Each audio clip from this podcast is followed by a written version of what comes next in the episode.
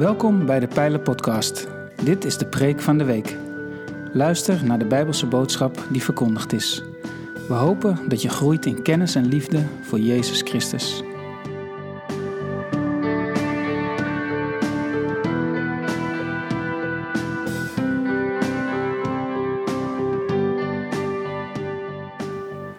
De adventstijd is aangebroken.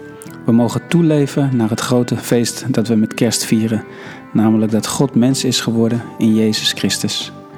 Tijdens deze vier diensten op zondag staan we stil bij het thema alleen samen verwachten.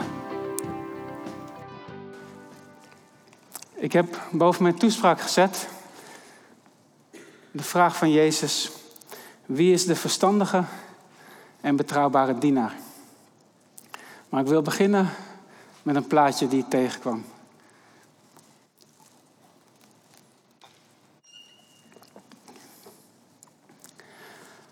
Vorige week uh, woensdag schoot de NASA weer eens een raket de ruimte in. Aan boord een ruimtevoertuig op DART-missie. Double Asteroid Redirection Test. Wat is de bedoeling? Misschien heeft u het ook wel gezien op televisie.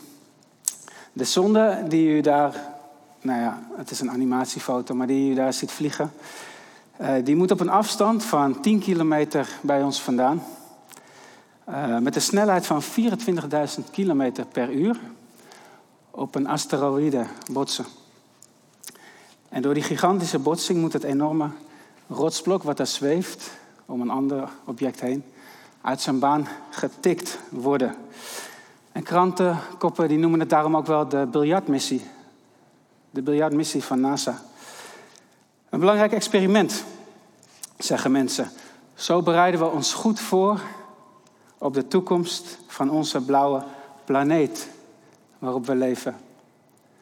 Pandemieën, aardbevingen, vulkaanuitbarstingen, oorlog, uh, nou, bedenk het maar. We worden bedreigd door van alles en nog wat. Er zijn genoeg eindtijdscenario's die de mensheid kunnen treffen.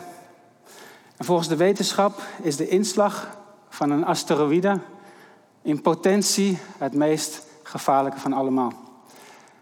Toen dat een keer eerder gebeurde, stierven massaal de dino's op de wereld uit.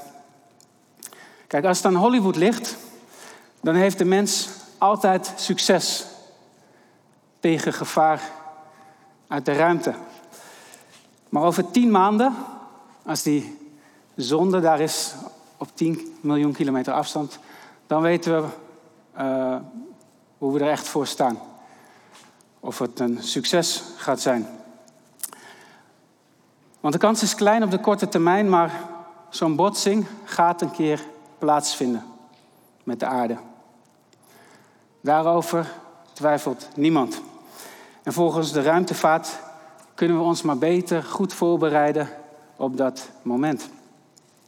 Nou, de kerk, dat hebben we vanmorgen al gehoord, de kerk die leeft al twintig eeuwen lang in verwachting van een heel spannend moment. Volgens de oud, oudste bronnen uit het christelijk geloof zal het een wereldwijde gebeurtenis zijn met diep, diep impact op ieder mens. Wat je geloofsovertuigingen ook zijn. Waar je ook leeft. Of dat nou in de bergen van Peru is, langs de oevers van de Nijl, tussen de wolkenkrabbers van Manhattan, zelfs op de bospaadjes achter Nunspeet. Er is geen twijfel mogelijk wat er aan de hand is. En het zal voor ieder mens ontzettend indrukwekkend zijn. De wederkomst van Jezus Christus in deze wereld. Zijn eerste komst in een uithoek van een Romeinse provincie, die was er een in kwetsbaarheid. Mooi hoe het die daar weer bij bepaald werd.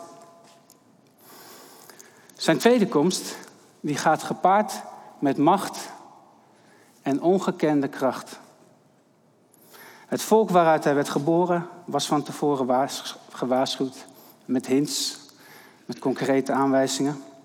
De Messias, de redder van deze planeet, die zou komen. En toch waren vele mensen in Palestina verrast. Veel mensen hadden uiteindelijk niet door wie hij was. Maar zijn verhaal, zijn boodschap ging als een schokgolf die hele wereld over. Hoe zal het zijn bij zijn tweede komst? Als de belangrijkste hoop van het Nieuwe Testament, als dat gegronde hoop is, dan is de grote vraag vanmorgen: hoe goed zijn wij voorbereid op zijn komst? Hoe goed ben jij voorbereid op de wederkomst van Jezus? Kunnen we daar ons eigenlijk wel op voorbereiden? En hoe, hoe ziet dat er dan uit? Daar wil ik met jullie over nadenken, want daar heeft de Heer zelf over gesproken. En ik wil dat doen uit Matthäus 24. Dus als u thuis zit, pak uw Bijbel. Als je in de kerk bent, waar is je Bijbel? En doe hem dan open bij Matthäus 24. Ik heb een nieuwe Bijbel gekocht. Op uw kosten. De MBV 21. Daar lees ik hem uit voor. Lijkt heel erg op de MBV waar we vertrouwd mee zijn. Um, maar ik lees hem daaruit voor en ik lees gewoon heel Matthäus 24 met u. En het gaat me vooral om de laatste versen uit dat hoofdstuk, de versen 45 tot en met 51. Nadat Jezus de tempel had verlaten, wenden zijn leerlingen zich onderweg tot hem en vestigden zijn aandacht op de tempelgebouwen. Hij zei tegen hen: Hebben jullie dat alles goed gezien? Ik verzeker jullie, geen steen zal op de andere blijven. Alles zal worden afgebroken. Op de olijfberg ging hij zitten, met zijn leerlingen om zich heen. En nu ze onder elkaar waren, vroegen ze: Vertel ons, wanneer zal dat allemaal gebeuren? En aan welk teken kunnen we uw komst en de voltooiing van deze wereld herkennen? Jezus antwoordde hun: Pas op dat niemand jullie misleidt. Want er zullen velen komen die mijn naam gebruiken en zeggen: Ik ben de Messias. En ze zullen veel mensen misleiden. Jullie zullen berichten horen over oorlog en oorlogsdreiging. Laat je daar niet verontrusten. Die dingen moeten namelijk gebeuren, al is daarmee het einde nog niet gekomen. Het ene volk zal tegen het andere ten strijde trekken en het ene koninkrijk tegen het andere. En overal zullen hongersnoden uitbreken en aardbevingen plaatsvinden. Dat alles is het begin van de weeën. Dan zal men jullie onderdrukken en doden. En jullie zullen door alle volken worden gehaat omwille van mijn naam. Velen zullen dan ten val komen. Ze zullen elkaar uitleveren en elkaar haten. Er zullen talrijke valse profeten komen die velen zullen misleiden. En doordat de wetteloosheid toeneemt, zal bij velen de liefde bekoelen. Maar wie stand houdt tot het einde, zal worden gered. Pas als het goede nieuws van het koninkrijk in de hele wereld wordt verkondigd, als getuigenis voor alle volken, zal het einde komen. Wanneer jullie dus de verwoestende gruwel waarover gesproken is door de profeet Daniel zien staan op de heilige plaats, lezer begrijpt dit goed, dan moet iedereen in Judea de bergen in vluchten. Wie op het dak van zijn huis is, moet niet beneden nog wel spullen gaan halen. En wie op het land is, moet niet terugkeren om zijn mantel te halen. Wat zal het rampzalig zijn voor de vrouwen die in die tijd zwanger zijn of een kind aan de borst hebben. Bid dat jullie niet in de winter zullen moeten vluchten en ook niet op Sabbat. Want het zal een tijd van grote verdrukking zijn. Zoals er niet geweest is sinds het ontstaan van de wereld tot nu toe en ook niet meer zal komen. En als die tijd niet verkort zou worden, zou geen enkel mens worden gered. Maar omwille van de uitverkorenen zal die tijd worden verkort. Als iemand dan tegen jullie zegt: Kijk, hier is de Messias, of daar is hij, geloof het dan niet. Want er zullen valse messiassen en valse profeten komen, die indrukwekkende tekenen en wonderen zullen verrichten, om zo mogelijk zelfs Gods uitverkorenen te misleiden. Let op, Ik heb jullie dit van tevoren gezegd. Wanneer ze dus tegen jullie zeggen: Kom mee, hij is in de woestijn, ga er dan niet heen. Als, of als ze zeggen: Kijk, hij is daar binnen, geloof dat dan niet. Want zoals de bliksem de hemel van oost tot west verlicht, zo zal de mensenzoon komen. En waar een lijk is, daar verzamelen zich de gieren. Meteen na die tijd van verdrukking zal de zon verduisterd worden en de maan geen licht meer geven. De sterren zullen uit de hemel vallen en de hemelse machten zullen wankelen. Dan zal het teken van de mensenzoon verschijnen aan de hemel. En alle volken op aarde zullen zich van ontzetting op de borst slaan als ze de mensenzoon zien komen op de wolken van de hemel, bekleed met macht en grote luister. Dan zal hij zijn engelen uitzenden en onder luid bazuingeschal zullen zij zijn uitverkorenen uit de vier windstreken bijeenbrengen, van het ene uiteinde van de hemelkoepel tot het andere. Leer van de vijgenboom deze les. Zo gauw zijn takken uitlopen en in blad schieten, weet je dat de zomer in aantocht is.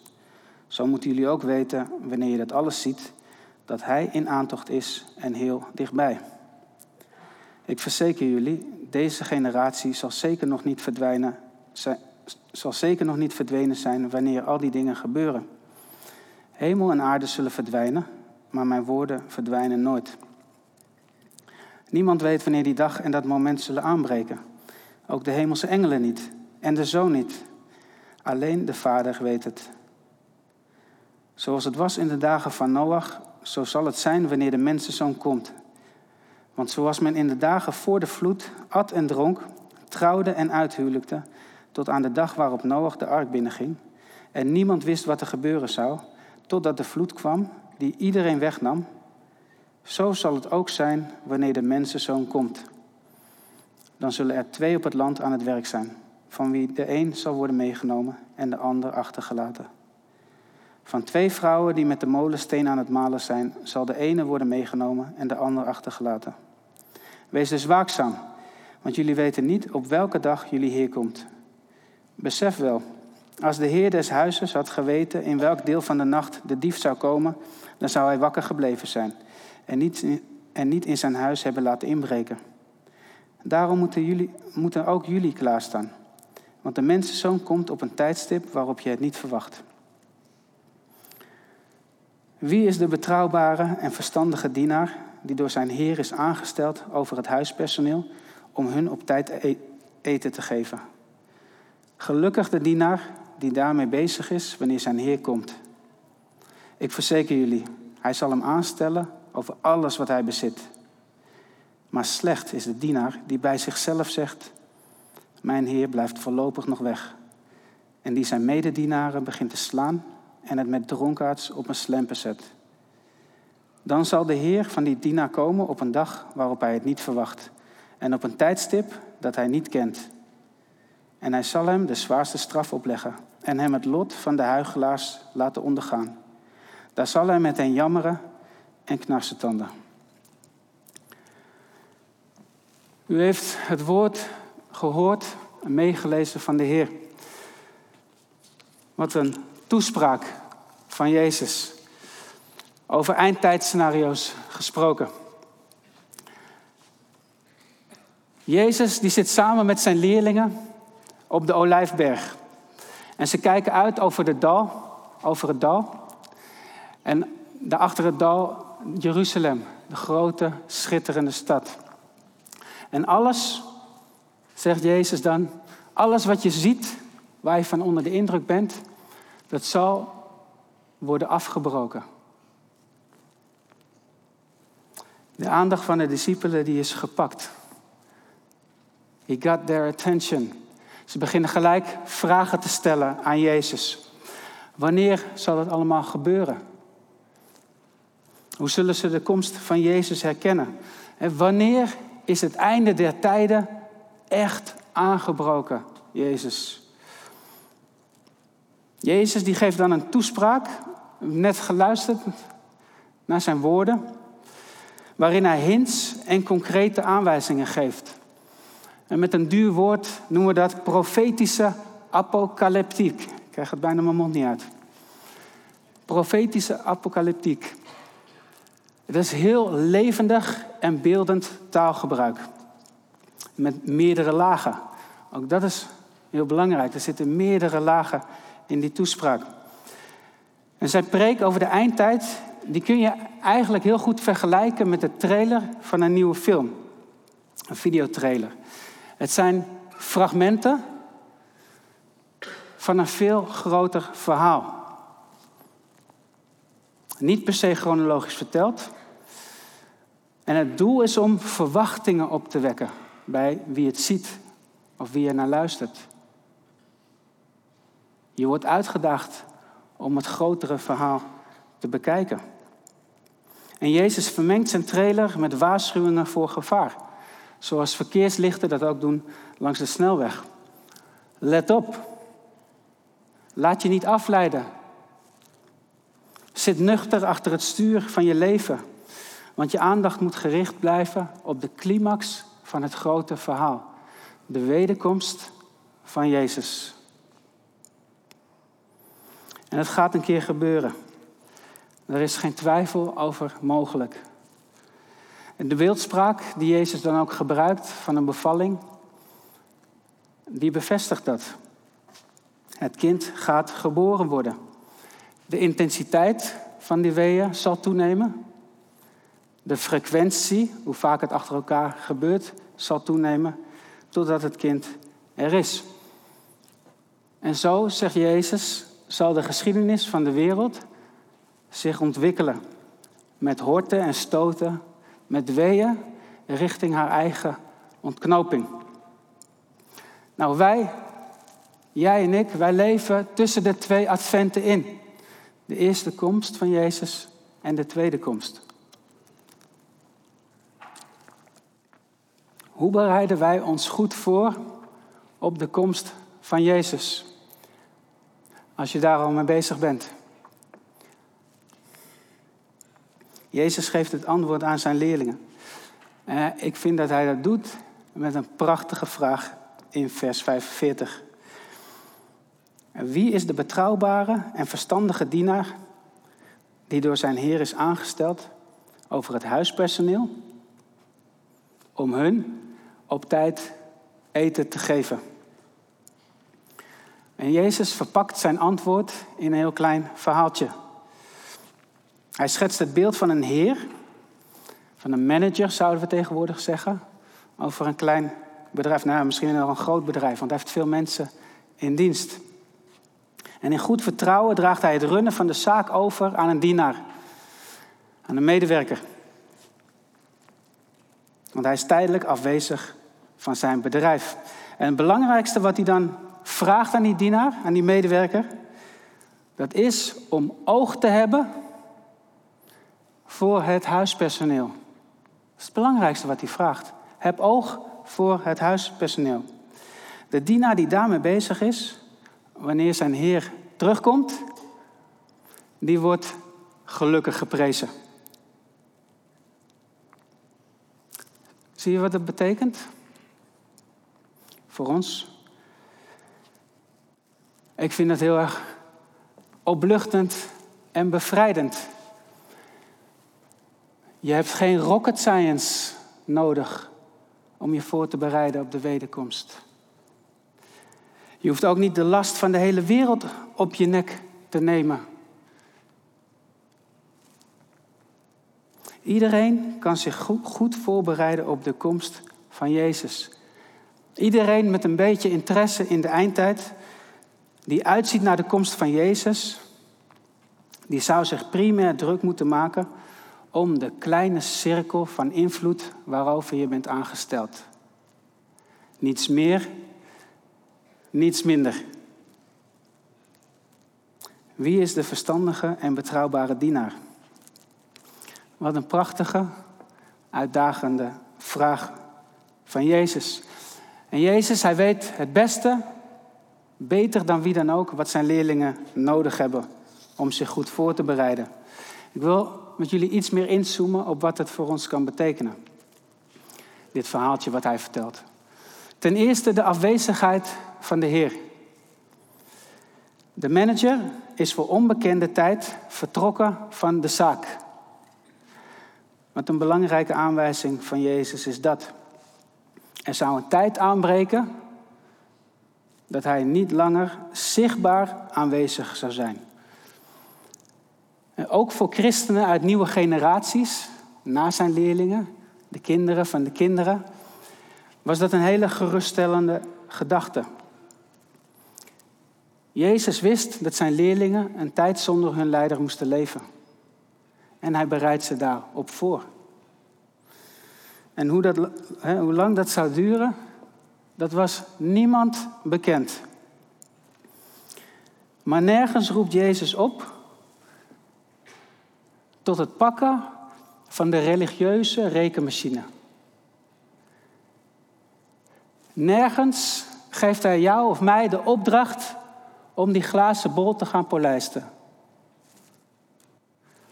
Niet in dit verhaaltje, niet in zijn preek, niet in zijn eindtijdpreek, nergens. Wat vraagt hij wel? Hij vraagt, voor de derde keer, wie is de betrouwbare en verstandige dienaar die door zijn Heer is aangesteld over het huispersoneel om hun op tijd eten te geven? Als je je goed wil voorbereiden op de wederkomst van Jezus, dan zorg je dat je jouw verantwoordelijkheden waarover je bent aangesteld serieus neemt. De verantwoordelijkheden waarover jij bent aangesteld serieus nemen. Het geven van voeding op vaste tijden is in de Bijbel vaak beeldspraak voor het voorzien in de behoeften van andere mensen. Zoals Psalm 145 dat heel mooi beschrijft. Naar God toe. U geeft voedsel op de juiste tijd.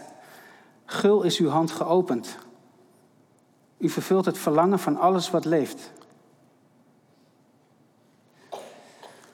Welke verantwoordelijkheden, verantwoordelijkheden heb jij gekregen? We hebben net zes kinderen opgedragen. Welke verantwoordelijkheden heb je in je gezin? In je vriendschappen? Die je onderhoudt. In je familieverbanden waarin je bent geboren. Welke verantwoordelijkheden heb je daar gekregen? Heb je oog voor de behoeften van anderen? Doe je wat je moet doen op de werkvloer? Of het nou vrijwilligerswerk is of een betaalde baan. Doe je wat je baas vraagt, of je leidinggevende, wat je zou moeten doen.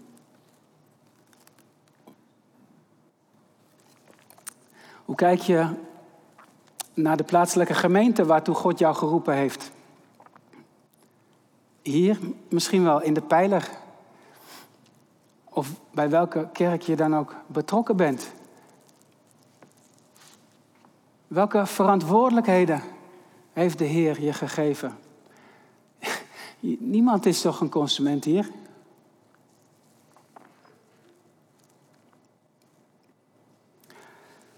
Onze loyaliteit, onze trouw aan het huispersoneel tijdens de afwezigheid van de Heer laat zien of we bezig zijn met het treffen van een goede voorbereiding.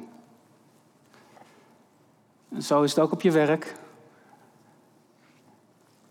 Als je baas er niet is, hoe je dan bent, dat zegt veel meer dan al die andere dingen. Wie trouw wil zijn, maakt geen misbruik van zijn positie. Wie op die manier rekening houdt met zijn komst, met de komst van de Heer, die wordt verstandig genoemd. Toch is de kerkgeschiedenis vol met eigenwijze, mag ik zeggen, slechte dienaren. De kerkgeschiedenis, kerkgeschiedenis die zit er vol mee. Het zijn mannen en vrouwen die maar moeilijk kunnen accepteren dat de Heer voor onbekende tijd afwezig is. Ze trekken toch met veel geweld die rekenmachine uit de la. Ze kunnen de verleiding niet weerstaan om toch een blik te werpen in die glazen bol. Namen genoeg van zulke influencers in de afgelopen twintig eeuwen. Maar de Bijbel wil zich niet op die manier laten misbruiken. En hun wiskunde en eindtijdscenario's, die zijn niet alleen onbehulpzaam, want dat zijn ze, maar ze zijn ook schadelijk en een serieus gevaar in christelijke kringen. Om zeker drie redenen. Ik wil ze benoemen. Ten eerste genereren ze een ongezonde mate van aandacht van christenen. Heel belangrijk dit. Ze genereren een ongezonde mate van aandacht van christenen. Waardoor de aandacht verslapt om in het hier en nu je verantwoordelijkheid te nemen voor die kleine cirkel van invloed die je hebt. Waardoor de aandacht verslapt om in het hier en nu verstandig en betrouwbaar te leven. En je kunt dat niet genoeg onderschatten. Evangelische kerken die zitten vol met mensen die beïnvloed zijn, de ene meer dan de ander, maar die beïnvloed zijn door dwalingen over allerlei eindtijdscenario's. Zo is het gewoon. In extreme vorm zie je weldenkende mensen transformeren in wantrouwende geesten. En hun denkbeelden, als ze niet opletten, die worden steeds radicaler. Die worden steeds radicaler. Niet zo lang geleden, weet u, was het heel normaal dat er een soort van collectieve verontwaardiging in de maatschappij was. Wanneer moslim-extremisten weer ergens zo'n bloedige aanslag hadden gepleegd. Dan dachten we met z'n allen, hoe is dit mogelijk? Hoe ziek moet je zijn in je hoofd om een vliegtuig te kapen? Of om jezelf ergens op te blazen voor een stadion? Nou, eerlijk gezegd, denk ik dat na 2020 dat soort verontwaardiging verleden tijd is.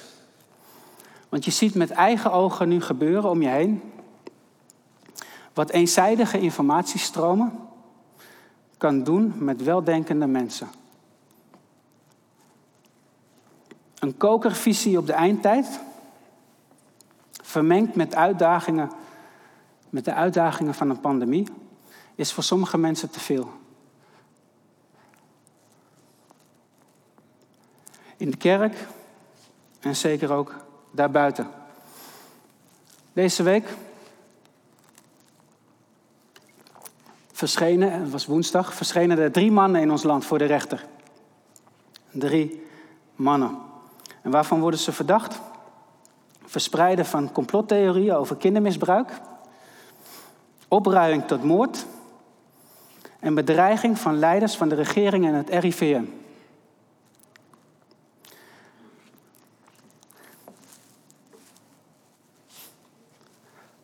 Twee van die drie die zijn overtuigend, overtuigd christen. Een van die gasten die heeft zich onlangs nog laten dopen in zee bij Katwijk. Ik krijg echt serieus buikpijn.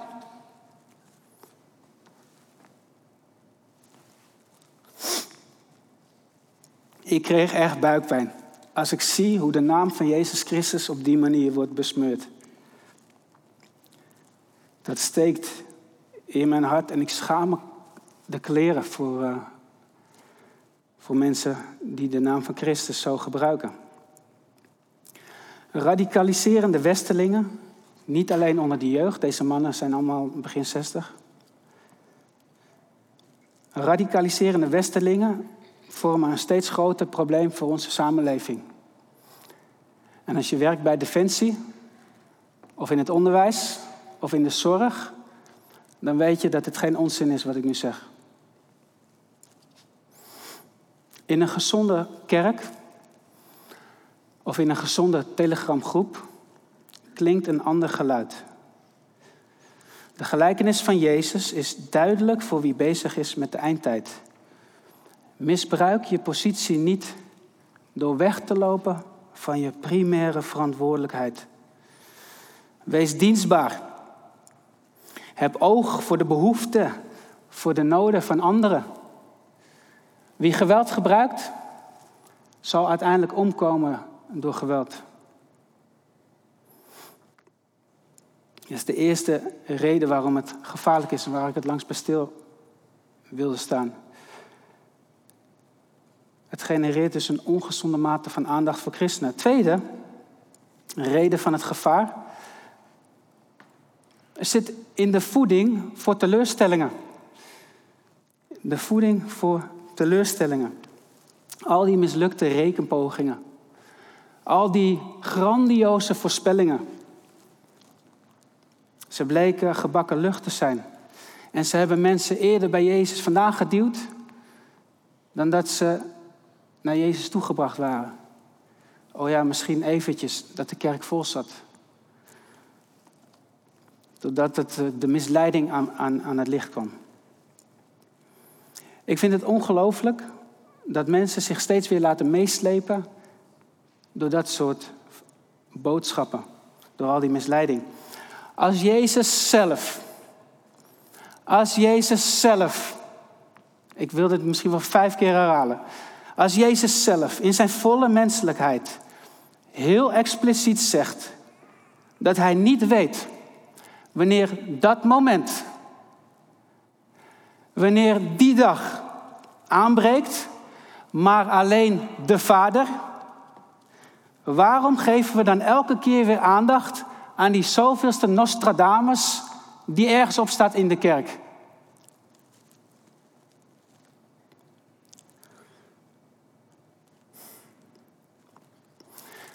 Het derde gevaar zit in de voeding van angst. De voeding van angst. Het is opvallend dat Jezus nergens angst aanjaagt als hij met zijn leerlingen op die olijfberg zit. Terwijl ze alle reden hebben om bang te zijn. Als iemand tegen jou zegt, jij zult gedood worden. Jij zult gedood worden. Dan doet het wat met jou. Als je kijkt naar een trailer, fragmenten van een groter verhaal, die behoorlijk heftig is, dan kun je daardoor aangesproken worden. De meeste van Jezus' leerlingen die zijn omgekomen door geweld. Omdat ze Jezus lief hebben. In 70 na Christus wordt Jeruzalem, inclusief de tempel, met de grond gelijk gemaakt door de Romeinen. Het onaantastbare Romeinse Rijk, die zal zelf ook wankelen door intriges, door oorlogsdreiging. En toch zegt Jezus heel indringend in zijn toespraak tussendoor dat ze niet bezorgd moeten zijn. Het klinkt bijna een beetje stoïcijns. Die dingen moeten namelijk gebeuren. Christenen krijgen nergens de opdracht, nergens de opdracht om angst te zaaien. Ook al zijn er genoeg redenen voor paniek. Niemand hoeft overmand te worden door angst. Niemand hoeft overmand te worden door angst. Ik vind het prachtig, dat lied wat we net gezongen hebben, het zegenlied.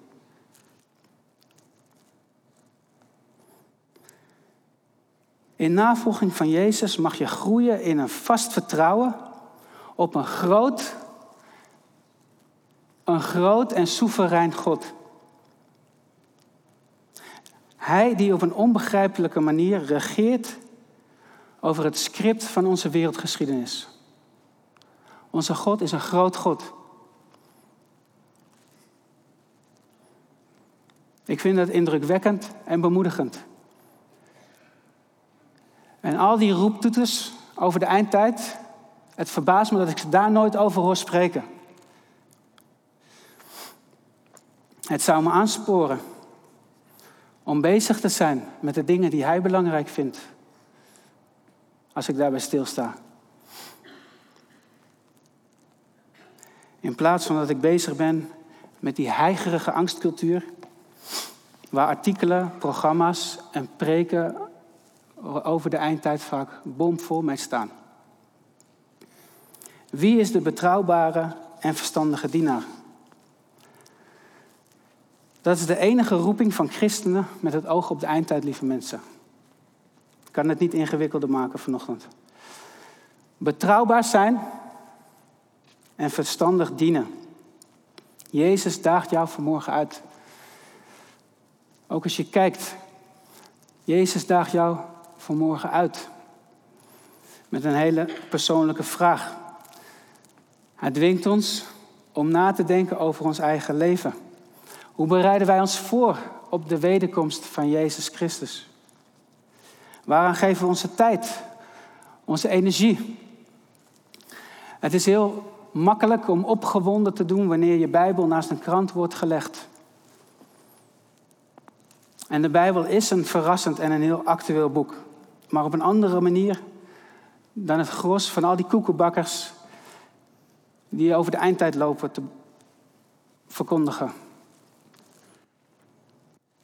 Je kunt je druk maken over geopolitieke ontwikkelingen. Kan. Maar voor de meesten van ons is dat gewoon een verspilling van kostbare tijd. Tijd die we beter zouden kunnen besteden. Aan het huispersoneel. Aan de kinderen die we hebben opgedragen. Aan de mensen die we dagelijks tegenkomen. Aan de taken die we hebben gekregen van onze werkgevers. Aan onverwachte ontmoetingen waar je dan misschien wel oog voor krijgt, of beter oog voor krijgt. Een jaartje geleden zijn we verhuisd, nieuwe straat. En het contact met onze buren, dus gewoon oké, maar een beetje afstandelijk nog. Prima. Die hele lockdown enzovoort, het helpt ook allemaal niet mee. Maar mijn, uh, mijn nieuwe Bijbel die, uh, werd bezorgd in een pakje van het MBV bij de buren. En we hadden dat niet door, dus dat pakje lag daar een uh, paar dagen op de, op de bar. En er staat de tekst uit het kerstevangelie op. En mijn verbazing schetste me opeens dat ik een berichtje kreeg van Enrique dat de buurvrouw aan de deur was gekomen. En ze hadden een leuk gesprekje gehad over het christelijk geloof. Ze kon er niet omheen. Die tekst die staarde haar een paar dagen aan. En uh, ze had het christelijk geloof uit haar jeugd, ze wel, daar had ze niet, op zich niet zoveel meer mee. Maar haar zoon van 18, die, uh, die was daar wel veel mee bezig. Nou, van het een kwam het ander. Een week later zat ik met uh, die jongen op de bank, zondagmiddag. Paar uur lang met elkaar ge gesproken.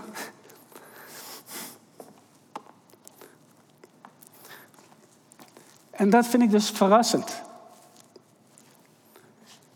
Verbazend hoe God aan het werk is in de mensen om je heen, waar je vaak niet eens oog voor hebt. Dus een stom kartonnetje kom je gewoon met mensen in gesprek. En dan hoor je hoe God aan het werk is in de levens van mensen. We leven toen naar kerst. Er zijn flyers. Stuur mensen een keer een kaartje. Je hebt geen idee wat voor fantastische ontmoetingen je kunt hebben met de mensen om je heen. De mensen waar je wel invloed op hebt. Waar je van betekenis voor kunt zijn. Je hoeft geen raketgeleerde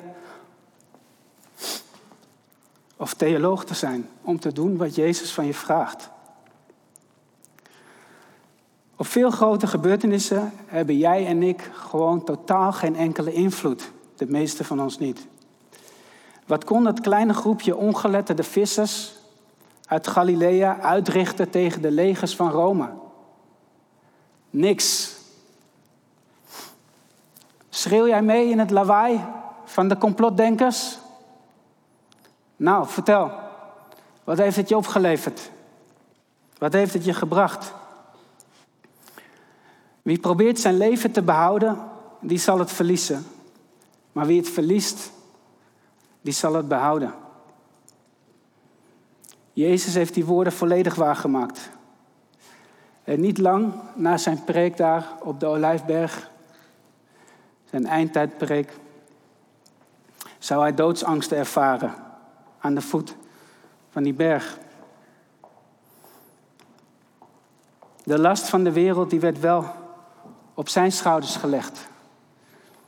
Daar in die tuin beneden de Olijfberg, in Gethsemane, zweette hij druppels bloed van angst.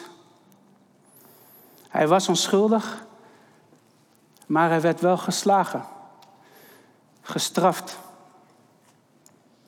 De meest trouwe, de meest verstandige dienaar die ooit geleefd heeft, die werd bruut vernederd.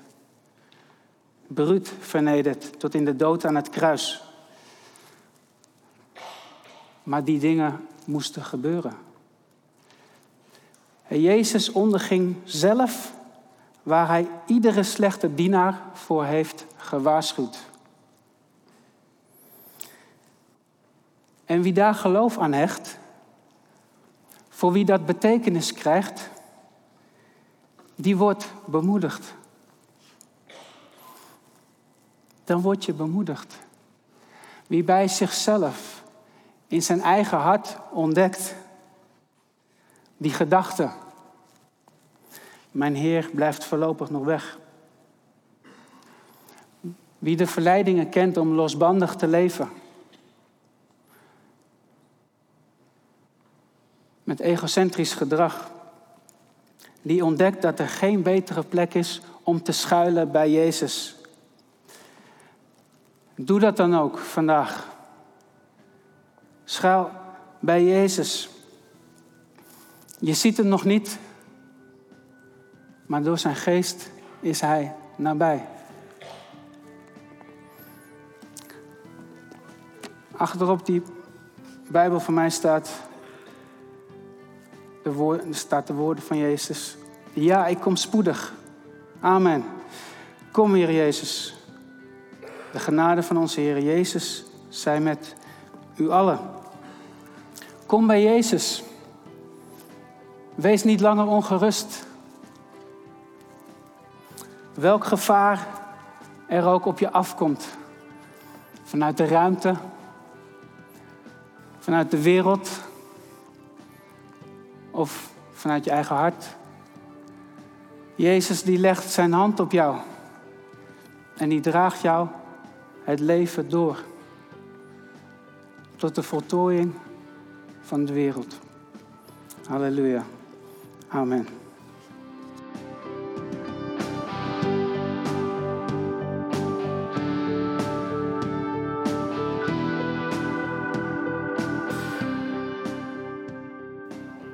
Bedankt voor het luisteren naar deze aflevering van de Pijlen Podcast, Preek van de Week. Heb je vragen naar aanleiding van deze preek? Stel ze. Dat kan via een e-mail naar onderwijs.pijler.nl. We helpen je graag verder in je groei als leerling van Jezus Christus. Abonneer je op deze podcast, zodat je altijd op de hoogte blijft van het onderwijs uit de pijler. Goede week gewenst, ga in vrede, want God is nabij.